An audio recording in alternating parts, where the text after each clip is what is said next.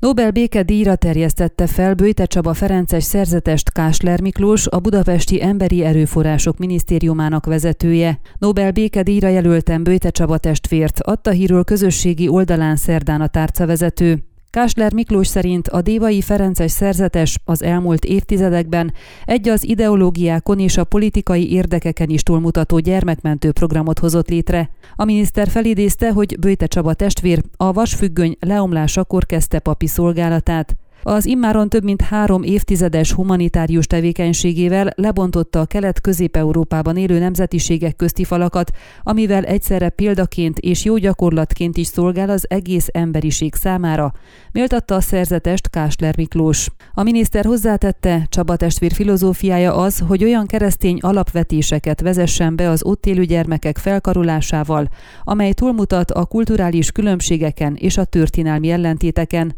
Már a Bőte Csaba által alapított Dévai Szent Ferenc Alapítvány 26 bentlakásos intézményében több mint 2500 gyermekről gondoskodik. A Nobel békedíj odaítélése szigorú forgatókönyv szerint zajlik. A jelöléseket legkésőbb az adott év január 31-ig fogadják, az utána beérkezett jelöléseket már csak a következő esztendőben veszik figyelembe, így Bőte Csaba jelölése csak a következő esztendőben kerülhet majd a bizottság asztalára. Ön a Székelyhon aktuális podcastjét hallgatta. Amennyiben nem akar lemaradni a régió életéről a jövőben sem, akkor iratkozzon fel a csatornára, vagy keresse podcast műsorainkat a székelyhon.pro portálon.